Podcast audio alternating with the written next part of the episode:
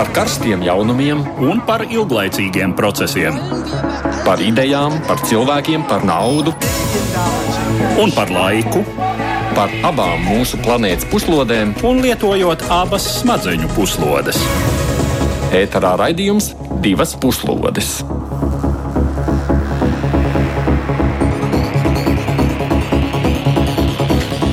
Šis ir laiks raidījumam divas puslodes, kad mēs runājam par starptautisko situāciju. Studijā esam mēs, Edvards Liniņš un Aidis Tomsons.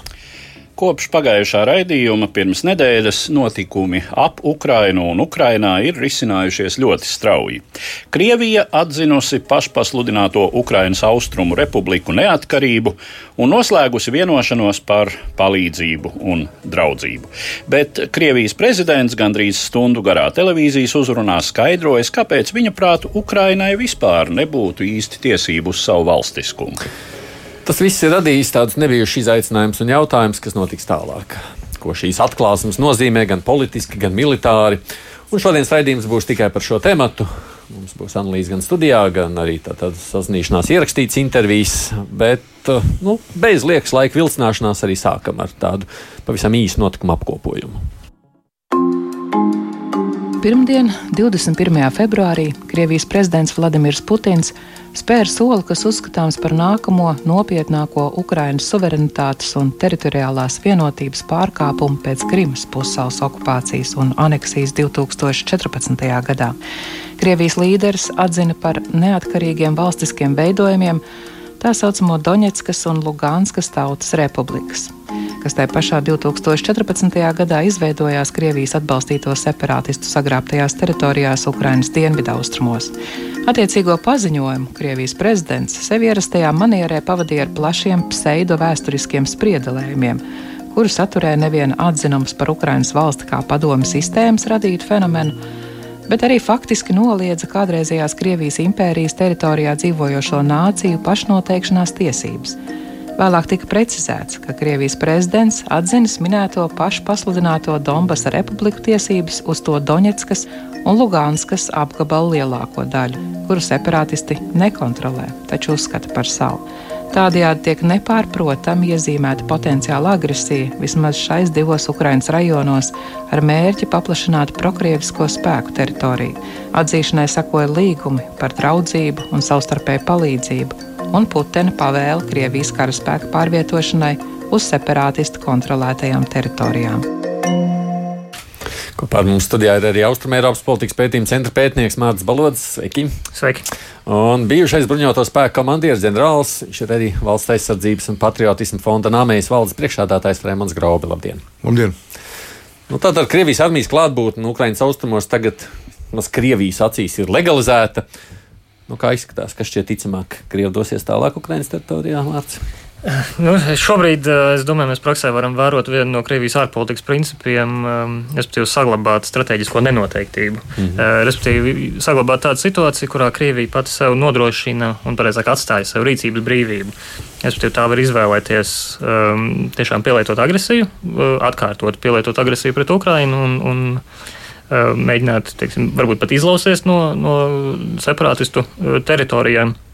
Um, taču tajā pašā laikā Krievija arī šobrīd patur, uh, patur tādu rīcības brīvību, um, arī tādā izteiksmē, ka tā var šobrīd nedaudz, uh, nedaudz piebremzēt. Un, un nogaidīt tīpaši, lai sagaidītu rietumvalstu reakciju, rietumvalstu spēju un, un varbūt arī gatavību uh, runāt ar Krieviju, un līdz ar to, lai Krievija varētu izvērtēt pats savas iespējas um, turpināt, um, turpināt savu ģeopolitisko plānu īstenošanu. Domājat, lēmums vēl nav pieņemts? Eh, es domāju, ka Krievija šeit eh, mērķiecīgi ievēro zinām nenoteiktību. Es domāju, eh, gala lēmums noteikti nav vēl pieņemts. Uh, labi, Grauskungs.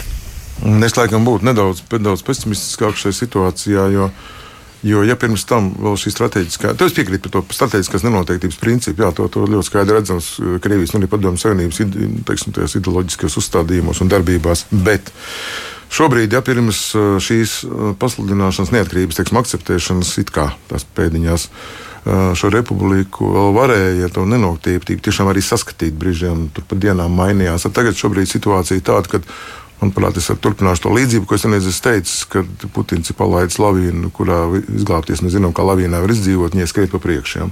Tas ir kaut kas tāds, kas šobrīd viņa dzena virsū, dzena uz priekšu un, un tādos nezināmos ātrumos un virzienos.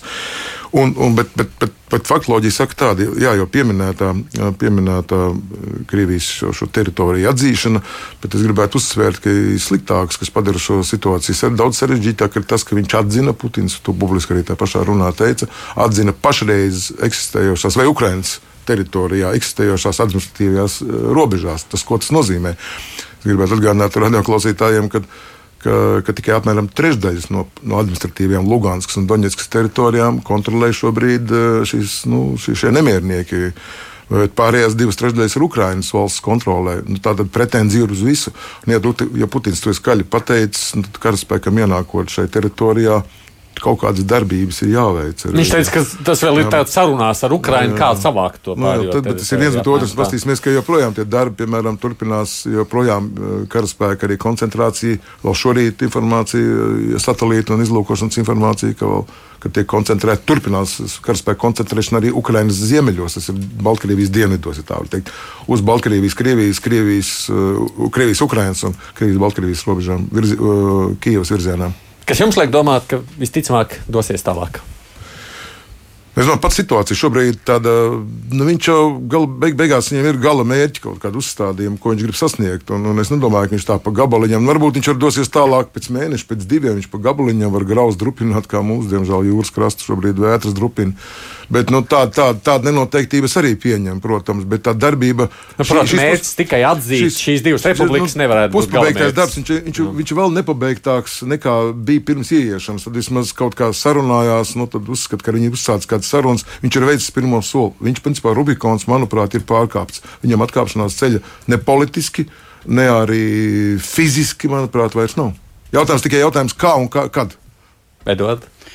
Jā, es arī, diemžēl, esmu drīzāk gatavs piekrist tam, ka šis turpinājums būs, un um, tādas prognozes jau ir izskanējušas vismaz pēdējos pāris mēnešus, ka tas arī būs uh, šis taktiskais plāns uh, vispirms izvērst agresiju šo divu uh, Ukrainas austrumu, dienvidu austrumu rajonu ietvaros. Mhm.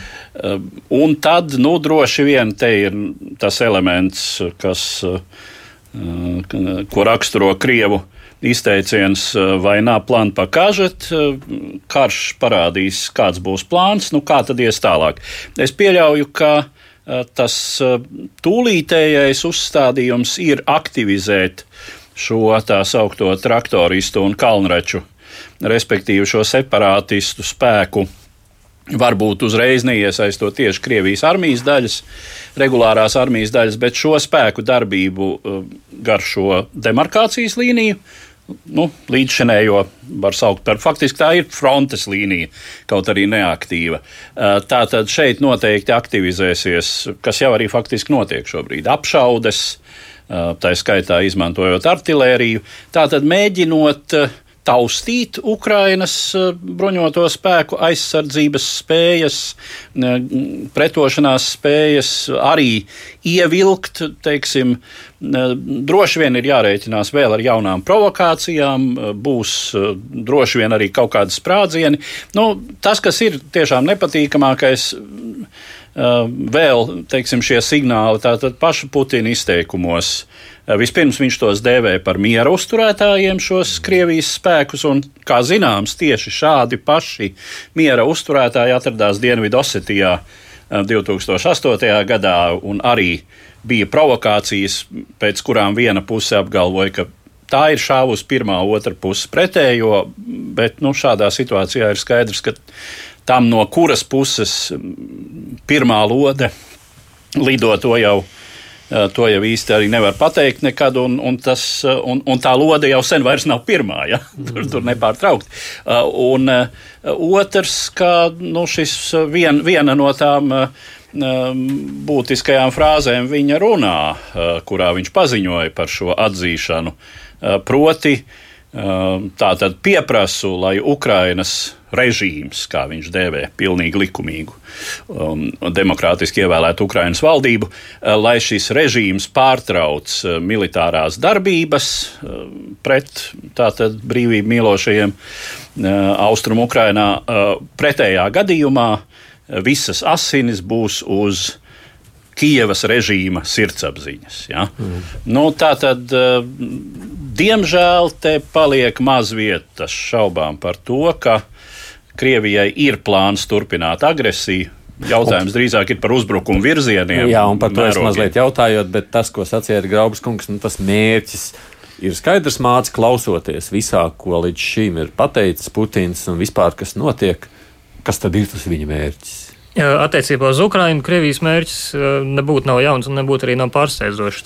Tas ir pilnībā apturēt un apturēt Ukrainas virzību uz rietumiem.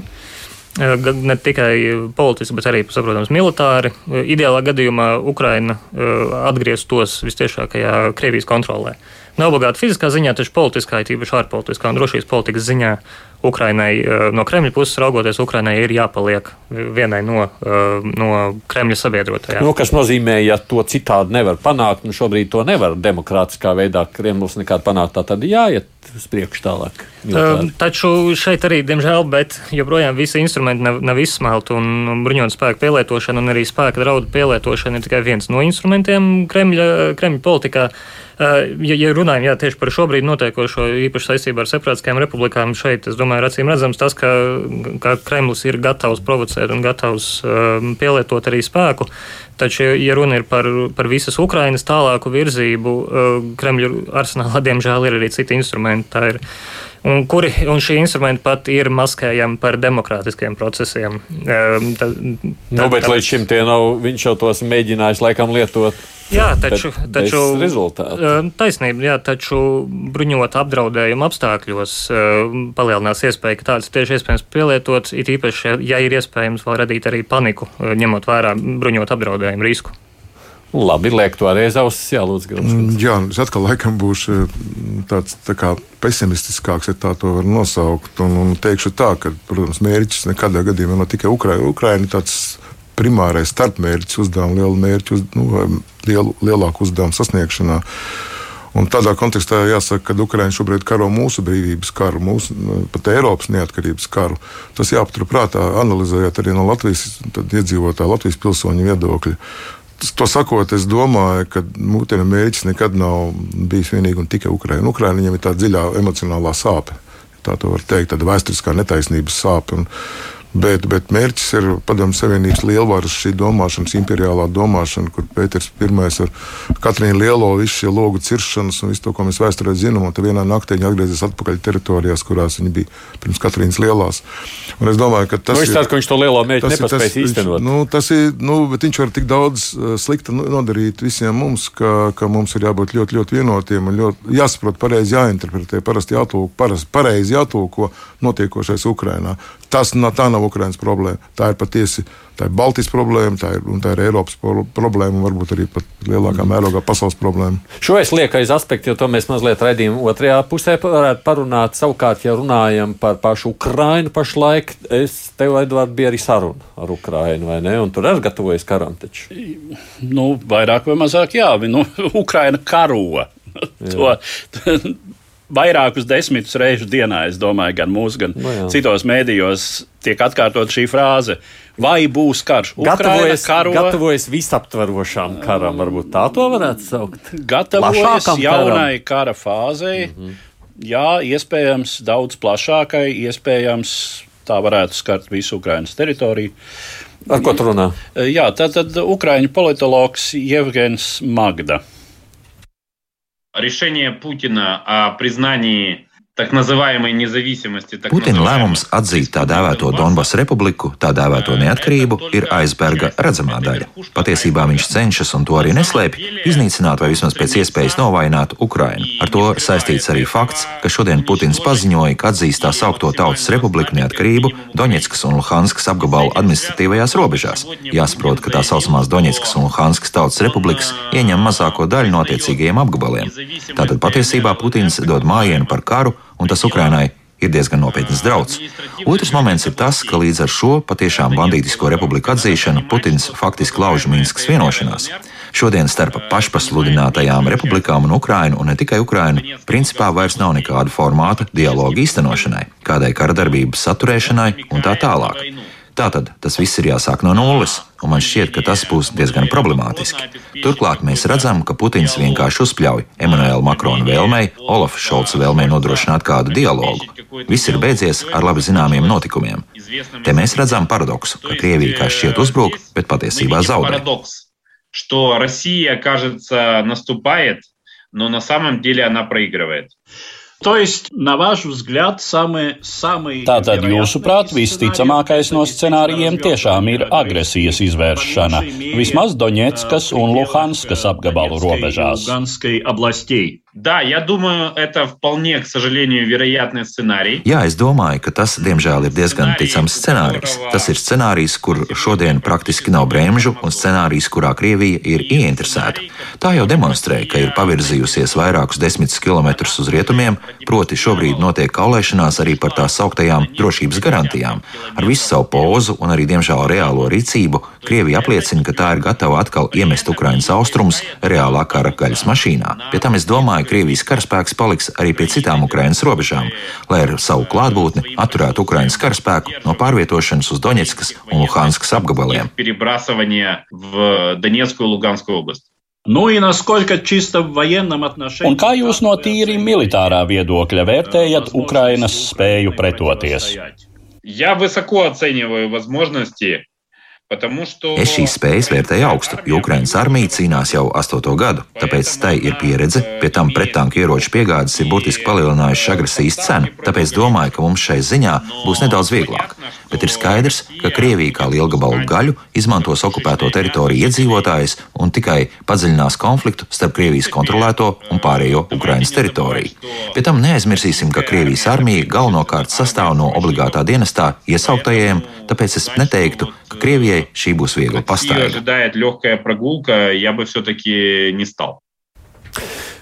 Graubas kungs, tas, ko Magats kungs saka, tātad Krievija uzbruks Doņetskai, Luganskas pusē, nu tātad tajā, ja minēto, ko mēs sākām ar caur provokācijām vai kā citādi, bet apkārt pārējie teritorijai turēs šo savu karaspēku, lai neļautu Ukraiņiem savukārt visu savu spēku virzīt tikai uz Ukraiņas austrumiem. Tas tāds ticams scenārijs. Nu, es domāju, šeit vismaz trīs, četri lieli scenāriji iespējami. Viens no viņiem ir šis, protams, ja mērķis ir vienīgi un tikai pagaidām Doņetskas, Luganskas administratīvās teritorijas vai tās saucamās republika teritorijas. Tas ir viens. Tad jau reālāk es teiktu, ir, ja mēs tur, ja kaujas darbība sākās tajā zonā, austrumu, nu, Ukrainas austrumu un dienvidu daļā, tad Ukrainas atgriešana no, no, no, no Melnās jūras, piemēram, tā skaitā Odesa nu, pavisam jau tāds sarežģīts uzbrukuma virziens vai kara darbības veids būtu uzbrukums, bet tas būtu, tas būtu piln, piln, pilnvērtīgs uzbrukums Ukrainai, respektīvi, kas, kam, kam plāns būtu beigties ar Kijavas ieņemšanu. Jā. Tagad tur pastāv ļoti, ļoti daudz dažādu scenāriju. Bet, bet fakts ir viens, ka, protams, ko Kriev, Krievijas federācijas plānotāji militārie dara šobrīd, jā, viņi izvietojuši apkārt Ukrainai sākot jau no Krimas, tad dienvidos, pie, tad virs, virs Harkovas, virs Kievas, no, no abām pusēm, no abām teritorijām, Krievijas un Baltkrievijas. Restīvi paņēmuši tādā aplietu, tā var teikt, apliekuši jāpieņem reģionība Priedņestras, starp citu, nedrīkst atmest. Parasti aizmirstam šajā sarunā Krievijas dislocētās vienības, Piedņestrā dislocētās vienības Moldovā. Nav liels, bet tomēr tur ir arī mieru uzturētāji. Nu, lūk, un, un, un, un tad, tad viņi, protams, Ukraiņas nu, skaitliski mazāko armiju sadalījuši dažādos virzienos, un tas, protams, dod priekšrocības, jo tikai Krievi zina, kurā sektorā uzbrukt. Tā ir tāda normāla militārā stratēģija, operacionālā māksla, lai pretinieku maldinātu uzbrukšanas virzieniem. Bet scenāriji tur būtu jebkuri. Vienīgais, ko es gribētu piebilst par, par, par, par, par to pašu cīņas vešanu, ko arī, ko arī kolēģis, gadījums, kolēģis no Ukrainas teica. Jā, protams, ka cena būs jāmaksā liela. Manuprāt, tas ir, tas ir vienīgais tāds īsti atturošais militārais, militārais veids. Krievijai likt padomāt, Putinam likt padomāt par zaudējumiem, jo tomēr ir 21. gadsimts. Mēs zinām, ka pat totalitārā režīma laikā slēgtās informācijas pilnībā simtprocentīgi kontrolētās nu, informācijas kontrolas laikā afgāņu māšu Māšu komitejas tomēr radās, un, un šī, šī pretestība bija ļoti, ļoti spēcīga un veicināja arī, domāju, perestroiku tā skaitā. Bet šobrīd nebūs, nebūs iespējams to noslēpt. Bet tehnoloģiskais pārākums Krievijam ir tāds, ka viņi spēs pirms kontrolēt gaisa telpu un kaut kādas nu, komandas centrus un tā tālāk. Bet vai ar to pietik, lai salauztu Ukraiņus un neizmantotu sauszemes spēkus, kas noteikti nesīs upurus? Ja pa sauszemi pārvietosies Krievijas karaspēks, tur būs upuri būs abās pusēs upuri, bet, bet Ukraiņi zina, par ko viņi cīnās. Es neesmu pārliecināts, ka Krievijas karavīri būs ar tik augstu morālu, kad būs pārliecināti, ka viņi patiešām cīnās par kaut ko tik lielu, ka viņi gatavi redzēt savus kritušos biedrus uz Ukraiņas zemes. Izskatās, tā, kaut kā salīdzinot, ņemot vērā visas tās ziņas, kādas bija pirms nedēļām, trim, pirms četrām, pirms divām un tagad, nu, ka šī vispārējais iebrukums šķiet vēl ticamāks. Um, Krievija ir mērķiecīgi veidojusi šādu tēlu, um, faktiski um, operējusi ar spēka draudiem un pakāpeniski uh, palielinot, protams, savu militāro klātbūtni tieši ap, uh, ap Ukrainu. Tāpat arī teiksim, krasi kontrastējošie paziņojumi par Krievijas bruņoto spēku došanos prom no Baltkrievijas un vēlāk uh, arī šāda viedokļa maiņa. Un, uh, saprotams, Krievija visu šo izmanto ne tikai lai radītu iespēju um, uzbrukt Ukrainai, bet lai arī skaidri un gaiši komunicētu par, par Krievijas gatavību, par Krievijas nodomiem. Un arī Krievijas um, bruņoto spēku klātbūtne pie Ukrainas ir pakāpeniski tieši augusi, kas attiecīgi, saprotams, palielina ne tikai risku, ka šāda situācija iz, var izveidoties, bet līdz ar to arī tam sekojošo postežu un, un līdz ar to arī kritušos un iespējams arī bailes uh, pašā Ukrainā pēc Krievijas aprēķina. Ja man, kā tavuprāt, kas notiktu Ukra Ukrainā, ja sāksies šis process? Tu vari iezīmēt tavu vīziju. Ukraiņu karos. Nu, jā, nu viss ir. Ja, līdz brīdim, kad nesākas pilna mēroga Krievijas spēku iebrukums Ukrainā, kā es to iedomājos, nekas, nu, teiksim, nekāda panika nekas, kas varētu destabilizēt, teiksim, Ukrainu iekšpolitiski nopietni, nenotiks. Tāpēc, ka Ukrainas sabiedrība šo astoņu gadu laikā ir pieradusi pie tā, ka viņi karo, un kā paši Ukrāņi to saka, nu, mēs esam to Donbasa pūžņojošo rētu nosaitējuši, un nu, tie, kas ir bijuši Kijevā pēdējo teiksim, trīs, pat piecu gadu laikā uh, Kijava neizskatās pēc karojošas valsts galvaspilsētas. Un es teiktu, tā, nu, kamēr tiešām Kijavā nesāk krist Krievijas aviācijas bumbas, tikmēr, teiksim, par kaut kādu Ukrainas salūšanu, nu, par, par to, ka Ukrainai tā tēlēni izsakoties uzdotu nervi, Eh, es domāju, nenākas runāt. Un šis, eh, tas jau ir jāatcerās, jā, ka šis, protams, kā jebkurš karš, ļoti lielā mērā ir nervu un psiholoģiskās noturības karš, eh, un Krievija šobrīd tā sacīt tausta joprojām. Bet tas, kas ir noticis tajās pēdējās nedēļas laikā, kopš mūsu iepriekšējā raidījuma, vai tie notikumi, it īpaši tajā austrumu Ukrainā, liek domāt, ka tas viss ir bijis gatavots jau kādu ilgāku laiku. Nu, tas, es domāju, ir neapšaubām. neapšaubām ja? Jā, un vērojot to, kas notiek tagad, nu, man teiksim, tikai nostiprinās tā pārliecība, ka mēs te jau pirms kādiem mēnešiem par to spriedām. Un tas arguments, ka šis varbūt bija pēdējais brīdis no tāda arī militāri strateģiskā viedokļa, kad Krievija šo soli varēja spērt. E, jo Ukrainas bruņoto spēku attīstība tieši kādu pēdējo pāris gadu laikā, attīstot sadarbību, mēs jau zinām, ar Turciju, e, saņemot palīdzību no NATO valstīm un tā tālāk, sāk ar vien straujāk iet uz priekšu. Un šis bija droši vien Krievijai pēdējais brīdis, kad eh, var vēl sākt kādu avantūru. Bet, eh, nu, protams, kā Graubas kungs jau arī ļoti pareizi saka, nu, Krievijai šai spēlē nav nemaz arī tik daudz to militāro trumpju. Eh, jo, ja mēs ņemam vērā to, ka cik, teiksim, Krievijas armijā ir uh, tādu kaujas, tādu daļu, kuras kaujas spēju ziņā, sagatavotības, motivācijas ziņā varētu sacensties ar tām Ukrainas armijas daļām, kam ir visu šo astoņu gadu nepārtrauktas kaujas darbības pieredze. Ja? Nu, es neesmu no nu militārists, es neesmu uh, ne kara lietu speciālists, bet uh, tas, ko teiksim, es esmu lasījis, varbūt ne ļoti autoritatīvos avotos, bet ka apmēram 200 tūkstoši, kas ir Ukraiņas tūmā, varētu būt šobrīd Krievijas armijas reāli kaujas spējīgākā daļa. Jūs varat komentēt kaut ko par šo? Jā, nu, vismaz pēc tās informācijas, ko, ko pauž arī amerikāņi, Amerikas teiksim, izlūkdienesti kombinācijā ar dažādām, dažādām teiksim, pētniecības organizācijām. Jā, tad šobrīd pie Ukrainas, pie Ukrainas robežas visā, visā, visā tajā lielajā frontē ir koncentrēta apmēram 75% no Kriev, Krievijas kaujas spējīgām vienībām. Principā, kas atbilst nu, 75 ļoti tuvu simtam tādā Bet, ziņā, ka regulārās vienības nav regulārām bet no kaujas spējīgām vienībām. Tā ir taisnība. Bet nedaudz pakomentējot to iespējamo kara darbības vešanas principus.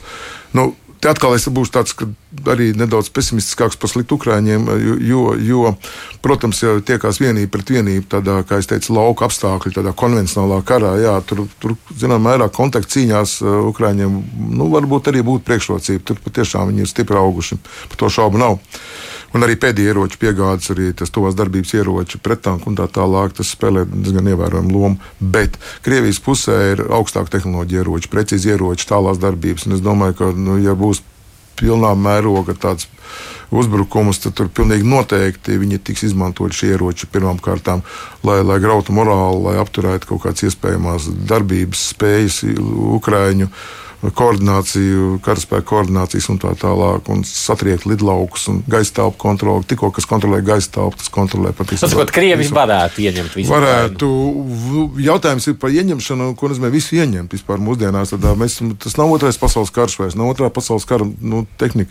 Viena lieta ir kaut kāda pilsēta aplenkt, varbūt pilsētas nolīdzinot Salīdzinot pilsētas, varbūt ir iekarotu, bet kā noturēt šo varu pēc tam? Nu, tas un, ir un, un, un, un tas ir kā, nu, pirmkārt, ir kā iekarot. Vai mūsdienās es neticu, ka Krievijas pieļaus otru tādu Krieviju tādu kļūdu, ka atcerēsimies, ka divi bataljoni palika Groznijā pret nelielu aizsardz, aizsargu spēku pirmajā Groznijas karā. Vienkārši ar tāpat dodiet man pulku, es ieņemšu visu, visu, visu Grozniju. Neieņēmu es ar diviem tanku bataljoniem, visi sadedzināti, tika gandrīz simtprocentīgi, visi tanki sadega pāris stundu laikā uzbrukumi. Tas nozīmē, tas arī cik sarežģīts ir pilsēta kaujas. Es nevaru iedomāties, ka tādu sturmēt mūsdienās. Nu, Kieva, es, es nespēju iedomāties to. Līdz ar to tas nav tik vienkārši. Līdz ar to tas sarežģīsies gan piespiest, morāli, nu, morāli sagraut, piespiest padoties, uh, gan, arī, gan arī nokontrolēt pēc tam, kā militāri varbūt realizēto kaut kādu veidu uzvaru. Jā, nu jā jo nu, jāsaka, jau te iestājas arī faktori, par kuriem mēs arī droši vien mazliet vēl runāsim, nu, kas ir starptautiskā reakcija. Jā, to atstāsim uz beigām. Bet es nevēlt jautāju par to, cik mēs redzam šo Krievijas rīcību plānot un gatavot ilgstoši. Jo liekas, tajā pagājušā gada, pagājušās nedēļas nogalē Doņetskas un Ganskas teritorijā mēs varējām milzīgi milzīgu iestudējumu teātru vērot, kurā nezinot, faktiski bija saistīti desmitiem tūkstoši cilvēku, sievietes un bērni. Nu, labi, par skaitļiem tu vēl varēsiet izteikties, bet jebkurā gadījumā. Šķiet, viņiem pat nesaprotot notiekošo, bija jādodas bēgļu gaitās par, vis, par to realitāti un izlikšanos. Vispirms tāds īsts atgādinājums. Arī līdz šim lielāks vai mazāks Krievijas armijas kontingents pastāvīgi uzturējās separātistu kontrolētajā Ukrainas austrumu daļā. Tomēr līdz šim Kremlis šos faktus konsekventi noliedza, uzstādams, ka pret Ukrainas bruņotajiem spēkiem reģionā karo tikai vietējie iedzīvotāji un Krievijas brīvprātīgie, kas neatrodas aktīvā militārā dienestā. Tāpat bija skaidrs, ka separātistu spēku militārā kapacitāte tiek uzturēta tikai uz Krievijas palīdzības rēķina. Tagad stāvoklis ir ir principiāli mainījies, un tā saucamo Tautas republiku teritorijā sākušas ieplūst Krievijas regulārās armijas daļas. Cik liels šobrīd ir uz Ukrainas teritoriju pārvietoto spēku apjoms, nav droši zināms, taču pienāk ar vien jauni atsauliecinieku ziņojumi par bruņu tehnikas pārvietošanos kā pa Krievijas pierobežas rajoniem, tā separātistu kontrolēto Ukrainas teritoriju. Tikām pēdējās dienās nav jaunu ziņu par tā saucamajiem bēgļiem, proti nenoskaidrotu skaitu iedzīvotāju, kuri no separātistu kontrolētajiem rajoniem devušies pāri robežai uz Krieviju. Divas puslodes. Mārs, kāpēc bija vajadzīgs šis teātris ar to ļaužu vešanu uz Krieviju? Es domāju, šī iedzīvotāju evakuācija no teritorijām gāja roku rokā arī ar, ar citām provokācijām, kuras pēdējo, pēdējo dienu, pēdējās Jā. nedēļas laikā faktiski par kurām tiek regulāri ziņots. Kas attiecas tieši uz šo evakuāciju, es domāju, pirmkārt, tas skaidri signalizēja Eh, Krievijas un arī pašu separātistu gatavību eh, iestāties ar varu par savām interesēm, respektīvi tiek eh, no, no teritorijām tiek izolēti vieglāk ievainojamie vai mazāk aizsargātie. Otrkārt, tas ir ļoti spēcīgs informatīvais fons, jo tiek skaidri parādīta un skaidri demonstrēta, kā to Krievijas presa aktīvi pasniedz Uh, Ukrainas agresīvie nolūki attiecībā uz mierīgiem iedzīvotājiem, kuri ir spiesti bēgt paši no, no savām teritorijām. Tas kā bija vajadzīgs pašiem uh, Krievijas auditorijai nu, pārliecināt, ja nu, tā kā akceptēt šo Krievijas jā, nu, bija, rīcību. bija vajadzīgs uh, ja, fakts. Jā, vajadzīgs nu, vai, vai inscenēts fakts. Jā, pareizāk, jā, šeit runa par teātri, jā, nevis par faktiem, bet jā, ir nepieciešams informatīvais fons, uz kā pamata, un tieši tāpēc tas ir jāskat kontekstā arī ar, ar, ar citiem notikumiem tieši teritorijās, piemēram, ar, ar it kā notikušiem sprādzieniem un apšaudēm. Un, um, bet, rietums, tieši... bet rietums tas nekādu nepārliecināja. Ļoti labi. Nu, tas tādā ziņā, tas, es domāju, arī ir savā lielā mērā arī ir, ir jāuzteic faktiski. Ka, ka šādas provokācijas, ka tās īsti nesasniedz dzirdīgas ausis rietumvalstīs. Un viņš Krievijas iedzīvotājs pārliecināja? Eh, es stipri šaubos. Saprotams, Krievijas iedzīvotāju viedokli noskaidrot ir, ir sarežģīti, Jā. tīpaši uz, jebkādā mērā uzticamā formā. Eh, taču eh, arī vairāk paši Krievijas analītiķi norāda, ka paši Krievijas iedzīvotāji nebūtu nav viensprāts par to, kā viņi raugās uz, uz šo separātisko teritoriju iedzīvotājiem. Respektīvi, vai, vai, vai viņi ir tie, par kuriem ir jāiestājas, vai, vai, vai viņiem ir jāiet palīgā, un respektīvi, vai, vai Krievijai vajadzētu viņus uzņemt tādā ziņā. Jo reizēm jau liekas, nu, var jau nospēlēt. Man liekas, ka teātris bija profesionālāk. Šis ir šausmīgi amatieriski likās. Nu, tādā, tādā, nu, sakiet, Robs. Jā, es principā. Jūs manīs vārdus izņēmāt ārā. Es, es varbūt tādu tād, tād neparastāku teoriju šodien izvirzīšu, kad, eh, kad man vairāk sāk šķist, ka sākotnēji Krievija neplānoja tomēr karu. Un es domāju, ka viņi negaida Eiropas, Eiropas un pasaules vienotību, kad viņi sasniegtu kaut kādas iekšpolitiskos, īpaši iekšpolitiskās varonāt vīriņam, nu, tādu, tādu, tādu, tādu sejas nepazaudēšanu, varenības apliecinājumu. Viņi tur brauc un runājās, un tā arī sākumā šķita, visi tur bija samitu dabūja, ja viņš pavasarī dabūja tādu Nu, tagad bija mazāk, tad dabūja klātienes samitu, tagad ir telefona samitu ar, ar Baidenu, bet jebkurā gadījumā.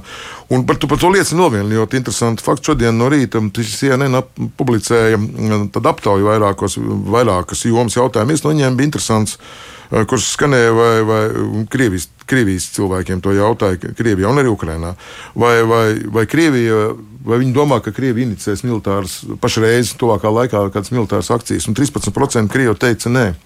Es ar to gribu teikt, 13 teica nē, vai jā? Atvainojiet, atvainojiet, 13 teica, ka jā, līdz ar to 13% tikai domā, ka varētu būt militārās darbības.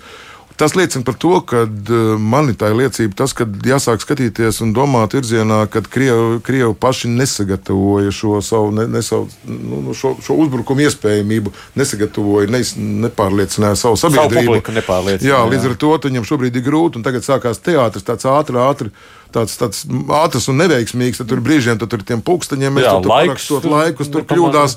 Tad tur, nu, saprotiet, ja Krievijā visiem viņa iespējām, ar rindēšanas iespējām un tā tālāk nespēja uzprovocēt kādu patiešām nopietnu, nopietnu, nu, nezinu, diversiju Ukrāņu kas ir ar upuriem, cilvēki, kā tas bija. Atcerēsimies, ka pirms Čečenijas kara tur divas mājas uzsprāga un tā tālāk. Tad man šī vārgā sagatavošanas eh, darba liek kaut kā komplektā ar to, ka Krievijas tauta patiesībā. Nu, vismaz, ja te, nu, daudz, ja pat arī kļūda pāris procentos, tas vienalga ļoti maz. Nav gatavi, neuzskata, ka būs karš. Tas liek nedaudz pārdomāt. Bet tas tikai nozīmē to, ka viņš šobrīd kaut kādā izmisumā tādā nonācis, tādā bišķi psihopāta, es teiktu, varbūt situācijā, kad viņam vairs psihi, man liekas, nepieļauj, vairs nespēja normāli analizēt, man tāda sajūta, jo viņš kļūdījās strateģiski sākumā. Ja reiz tāds plāns bija, un, un tagad ir tāds neadekvāts rīcības, sasteigtas, ātras, kļūdainas un nepārliecinošas. Ja? Principā tādas, kas ir ja vēl, vēl kādiem mēnešiem, varbūt uh, rietumu, nu, teiksim, sociālistiskās partijas kaut kur Itālijā, Francijā vai Spānijā, nu, labi, viņš nav pārāk arī šobrīd vēl pārliecināts, bet tomēr tad kopēja Eiropa bija tāda mērināka. Tad, manuprāt, šobrīd maskas ir norautas. Uh, nu, viņš ir redzams pilnā, pilnā savā kailumā, savā nu, ārprātā gandrīz vai ne Un, un, un rietumi, manuprāt, ir nu, neatgriezeniski pagriezušies tādā nu, pareizā Krievijas izpratnes lasīšanas virzienā. Edvards, tu, kad runāji, es vienkārši ar spūksteni skatos, kad runāji ar kolēģiem no Krievijas par to jautājumu, kam tas teātris ar visu šo cilvēku vešanu bija vajadzīgs noskaidroju tur? nu, vairāk gan tā, tad, tas ir šīs mūsu saruna, bija šīs situācijas raksturojums. Irina Tumakova, kas ir avīzes Novēja Gazeta korespondente, un ir nu pat arī gatavojusi materiālu savam izdevumam. Tieši saistē, ne? Viņa, protams, nav bijusi tur uz vietas, jo tur uz vietas nemaz tik viegli nevar nonākt, bet nu, viņa ir sazinājusies ar tiem cilvēkiem. Paklausīsimies, jā, ko viņa stāsta. Что, по-вашему, стало причиной? Kāds, jūsuprāt, bija iemesls, ka šie cilvēki, vairāki desmit tūkstošu, pameta dzīves vietas, sēdās autobusos un brauca pāri robežai uz Krieviju? Выезжают через границу в Россию. Ну, во-первых, уже не садятся, уже не выезжают. Pirmkārt, vairs jau viņa autobusos nesēžas un nekur nebrauc, bet gluži otrādi. Ir tāds iespējas, ka šos cilvēkus sāk bīdīt atpakaļ. Piemēram, Ļeņingradas apgabalā mēs aizvakar saņēmām informāciju, ka vairākās bijušajās pionieru nometnēs, kaut kādās sanatorijās, ieradušies bēgļi. Vakar es turp aizbraucu, bet man teica, vai tur kaut kas nogājis greizi, nesanāca, viņi atbrauks rīt. Šodien viņi saka, ka Vai viņi vēl nav atbraukuši šurp? Īsāk sakot, viņi šķiet nav pametuši Rostovas apgabalu. Un tagad mēs arī saprotam, kāpēc šos cilvēkus pat neevakuēja bet vienkārši savāc un izveda no Donbasa. Pie tam jāsaprot, kā tas viss notika. Viņi kaut kur tur savās pilsētās sakāpa autobusos, aizbraucam līdz robežai, tur viņus izkārtoja kolonnās un viņa kājām gāja cauri robežpunktam, bet tur otrā pusē viņus neviens negaidīja. Bija nakts, augsti, nulle grādu. Cilvēki tur sala un nesaprata, kas notiek. Tad viņus sāka izmitināt kaut kādās teltīs, nulle grādos, klajā laukā. Tad beidzot sāka piebraukt autobusi un veda šos cilvēkus uz tālākajām apmešanās vietām. Es redzēju fotogrāfijas sporta zālē ar divu stāvu gultām. Vispār vēlns zina, kas. Tad galu galā viņu sāka izvadāt pa evakuācijas vietām.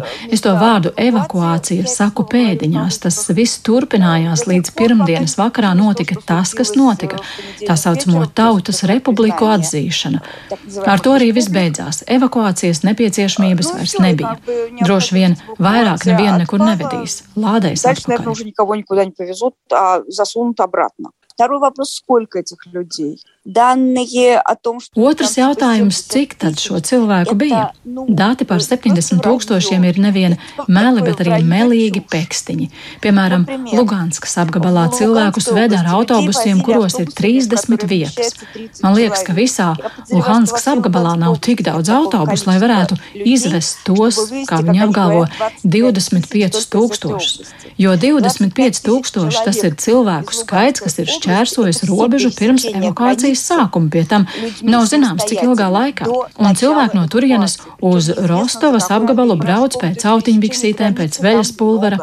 Robežu čērsošanas gadījumu tur ir daudz, 25 tūkstoši tādas evakuācijas tur nav. Cik evakuēto ir, to mēs nezinām. Tie cilvēki Doņetskā un Luhanskā, ar kuriem es runāju, teica, ka nekas īpaši tur nenotiek, nekādas masveida evakuācijas nav. Почему поехали те, кто поехал? Ну, это надо у них самих спрашивать. Kāpēc brauca prom tie, kas brauca? Tas būtu jājautā viņiem pašiem. Man arī šis jautājums interesē visvairāk. Nekas īpaši tur nenotika, viss bija apmēram tāpat, kā pēdējos apmēram trīs gadus. Kopš 2018. gada tur ir samērā kluss, tikai nelielas apšaudas uz robežu līnijas Visi tie sprādzieni, kaut kāda sabotāža, tas viss sākās tieši pēc tam, kad abu šo formējumu līderi paziņoja par evakuāciju. Tad sākās Luhanskā uzreiz eksplodēja gāzes vats, līdz kuram kara darbības laikā šāviņi nelidoja, jo tas ir pārāk tālu no demarkācijas līnijas. Doņetskā večiņas, kuras kara laikā lāgā pat nedzirdēja šāvienus, jo pārāk tālu, tagad sāk kaut ko dzirdēt un šausmināties. Tad nu daži ļāvās panikai un metās prom. Es pat nezinu, vai man šo cilvēku ir žēl, jo es nekad nesapratīšu, kāpēc bija jābēg. Bet Krievija viņiem par to solīja desmit tūkstošus rubļu un laikam pat samaksāja. Ja saka, ka bēgļu bija 70 tūkstošu, bet patiesībā bija vien kāds tūkstotis, tad varat iedomāties, kur paliks atlikušajiem tūkstošiem paredzētā nauda. предназначены для оставшихся 69 тысяч. Lūk, tā mums kolēģi no Krievijas interesanti, vai ne tajā visā sadaļā. Bet, ja drīkst vēl pabeidzot šo mazliet, tomēr arī veltot rietumiem uzmanību, Kas notiks ar tām abām republikām? Viņas paliks neatkarīgas, tavuprāt, Edvards, vai tomēr beig beigās tas stāsts ir par nākotni kā Krievija? Nu, kas, kas ir noticis ar to pašu jau piesaukto Piedņestru 30 gadu laikā? Nu, starptautiski politiski karājas gaisā. Tāpat kā Abhāzija, tāpat kā Dienvidosetija, tāpat kā galu galā Ziemeļkipra. Šādas, šādi veidojumi tapuši pretēji starptautisko tiesību normām un starptautiskās sabiedrības atzīšanai, nu, tie var pastāvēt desmit gadiem. Bet nu, mēs jau runājam par to, ka izskatās, ka savās pašreizējās robežās šie veidojumi nepaliks. Kā tev, tā, kas notiks ar tām un cilvēkiem? Cilvēki ir laimīgi, vai ne? Tagad svinēja neatkarību, kaut gan tur tas pulciņš beigas maziņš bija. Jā, es, es domāju, tā, tā, tā, tas cilvēku skaits, ko izdevās uh, savākt pat uz šādu it kā, jā, tas it kā nozīmīgu pasākumu, vai ne? Es domāju, tas lielā mērā liecina. Es domāju, par... tie cilvēki saprot, ka viņi būs pirmie kurus sūtīs uz uh, Ukraiņas spēku pozīcijām. À, tāpēc, tāpēc īpaši prieka priekos, jā. viņiem varētu arī nebūt. Es domāju, jā, šeit vietējie iedzīvotāji uh, saprot, uh, patīk viņiem tas vai nē, bet viņi saprot situācijas nopietnību, ka viņi, viņi faktiski ir frontes līnija. Krievijas ģeopolitiskajos plānos. Un, un ja Krievija uh, pieņem lēmumu cīnīties par visu Doņetskas un Luhanskas administ apgabala administratīvajām teritorijām. Respektīvi, tie ir šie paši cilvēki, būs tie, kuriem kur skatīsies acīs pretī Ukraiņu karavīriem. Patriotismu tur nav? Es, es ļoti šaubos par, par patriotismu šādos apstākļos. Saprotams, ir, ir daļa sabiedrības, kas jūt pievilcību Krievijai. Un, protams, tur ir arī zināma daļa patriotisma, taču, paskatoties uz to, viņi faktiski dzīvo jau, jau cik gadus faktiski kara zonā. Un es domāju, visi ir noguruši no tā, tādā ziņā, tāpēc tas patriotisms var, diemžēl, saskarties ar praktiskās dzīves mm. realitāti. Bet, nu, Par rietumiem mazliet runājot par to, kā viss šis tiek sagramots šobrīd pārējā pasaules daļā un ko tas nozīmē šajā noskaņojumā turpmāk. Vispirms vēl tāds neliels apkopojums. Kremļa saimnieka rīcība pēdējās dienās radījusi rietumiem dilēmu, cik nopietnas sankcijas Krievija pelnījusi. No vienas puses, pašu pasludināto republiku atzīšana ir klajš Ukrainas suverenitātes pārkāpums un bruģē ceļu agresijas kāpinājumam. No otras, Krievijas spēki pagaidām ieplūst tikai teritorijās, kuras arī līdz tam kontrolē. Attiecīgi vārtos skarbi nosodot prezidenta Putina lēmumus, Rietumvalstu valdības pagaidām aprobežojas ar sankcijām, kuras eksperti vērtē kā visai nesāpīgas. Savienotās valstis, Lielbritānija un Eiropas Savienība pakļāvuši sankcijām atsevišķas bankas, uzņēmumus un privātpersonas, ierobežot Krievijas piekļuvu finanšu tirgiem, noteikts aizliegums jebkādai komercdarbībai separātistu kontrolētajā Ukrainas daļā. Pamanāmākais ir Vācijas valdības lēmums iesaldēt gāzes vada Nord Stream 2 certifikācijas procesu. Tāpat Savienoto valstu prezidents Džo Baidens paziņojis par papildu amerikāņu armijas spēku pārvietošanu uz Baltijas valstīm. Atgādījums šeit studijā arī ģenerālis Raimons Graubu un arī no Austrum Eiropas politikas pētījuma centra Mārcis Balodis. Eduards savukārt, un tu kā uh, viens no raidījuma vadītājiem, tavuprāt, kā tu vērtē šo rietumu reakciju pašreizējo? Tā ir ļoti prognozējama reakcija.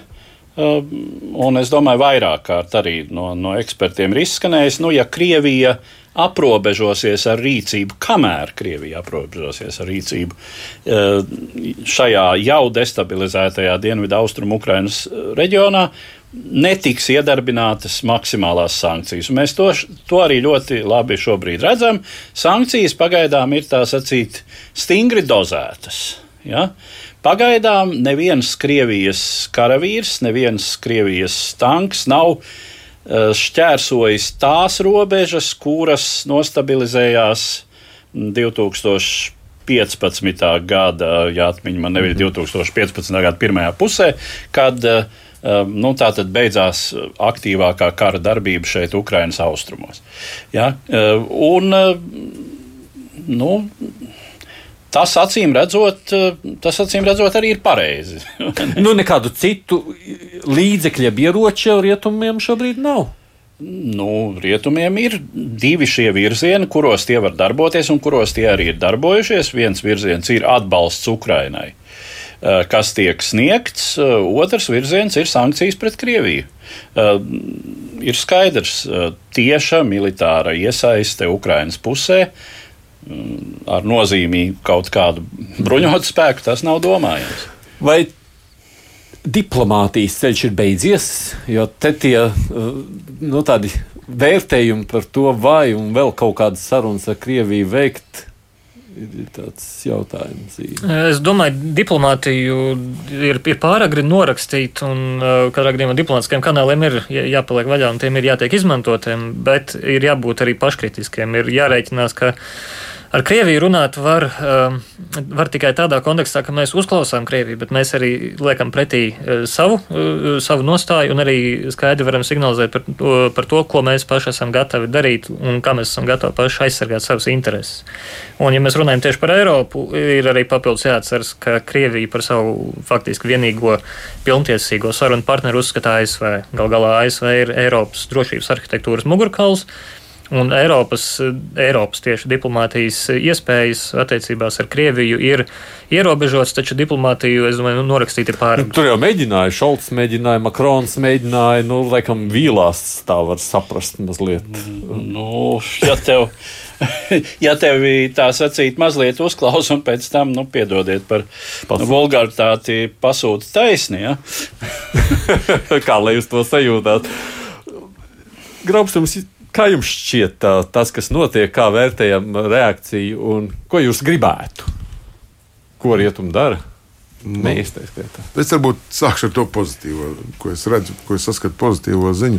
Pozitīvā ziņa ir, ka pat valsts tādas kā, kā Ķīna un, un Turcija, kas varētu būt kaut kādā jomā draudzīgās Krievijai, uh, tomēr uz šo nedalāmības uz faktu uzsver. Un, un, un, un tātad Ukraiņa saka, kaut gan šodien, ja nemaldos, Ķīnas ārlietu ministrs saka, savukārt pārmeta par sankcijām. Sankcijas nav gan pareizā veids, bet nu, kāds ar nebūtu dubultā spēle noteikti, bet nu, tā ir laba ziņa.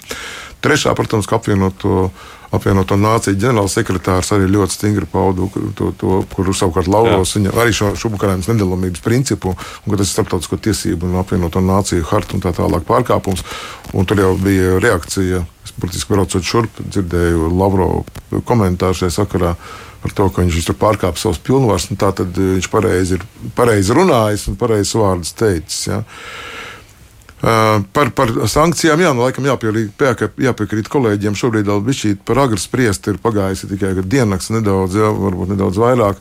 Pastīsimies arī Amerikā pamostās uz šo brīdi, jā, es domāju, fiziski laikziņā, laika, laika, laika novirzes dēļ, laika zona. Un, un, un tad, nu, tad, tad laiks rādīs, un arī, protams, Putina reakcija. Bet ko es gribēju teikt, ka visu tādu, tādu negatīvāko visā tajā ir ka rietumiem ir jāuzņemas līdz, līdz, līdzatbildība. Es uzskatu, jāuzņemas līdzatbildība par šo, par šo, par šo, kas šobrīd notiek Ukrajinā, un nevis tādā nozīmē, kā to Krievs saka.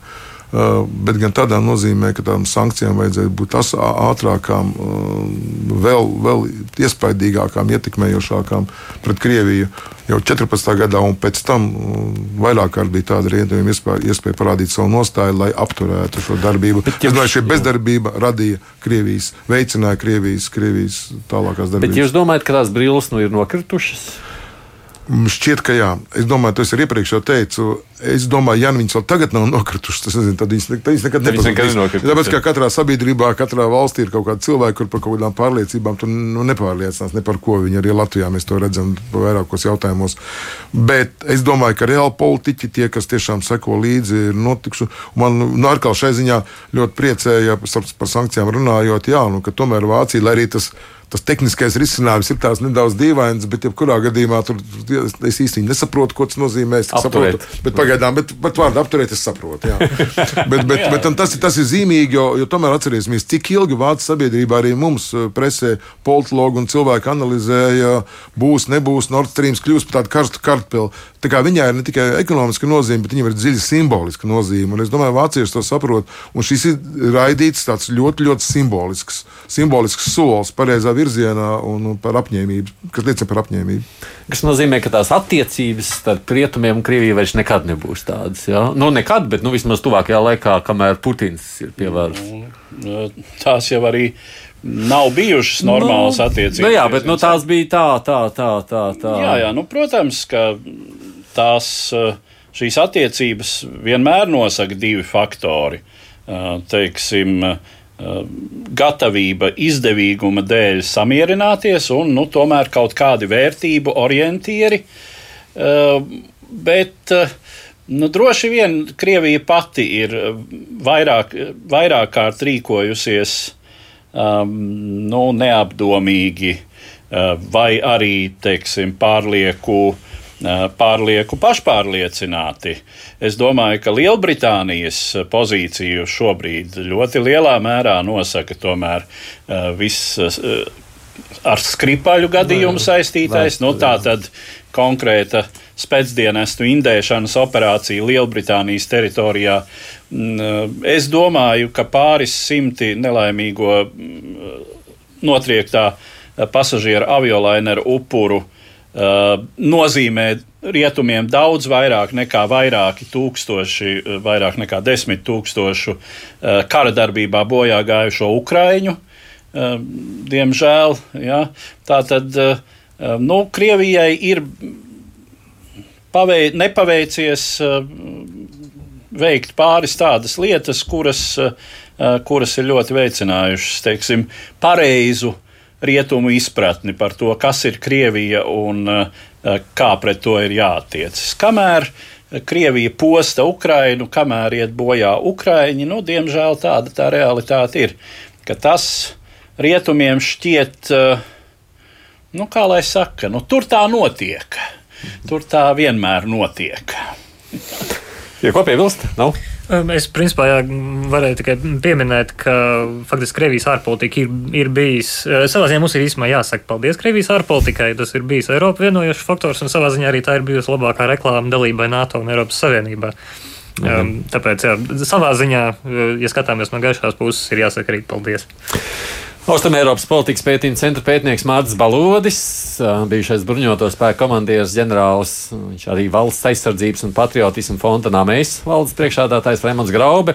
Nu, un pie mikrofona bijām arī mēs, Edvards Liniņš un Aidis Tomsons. Secinājums, jeb kopsavilkumu izdarot no tā, ko mēs redzam, vai ne? Mēs esam diezgan pesimistiski par to situācijas tālāko notikumu attīstību.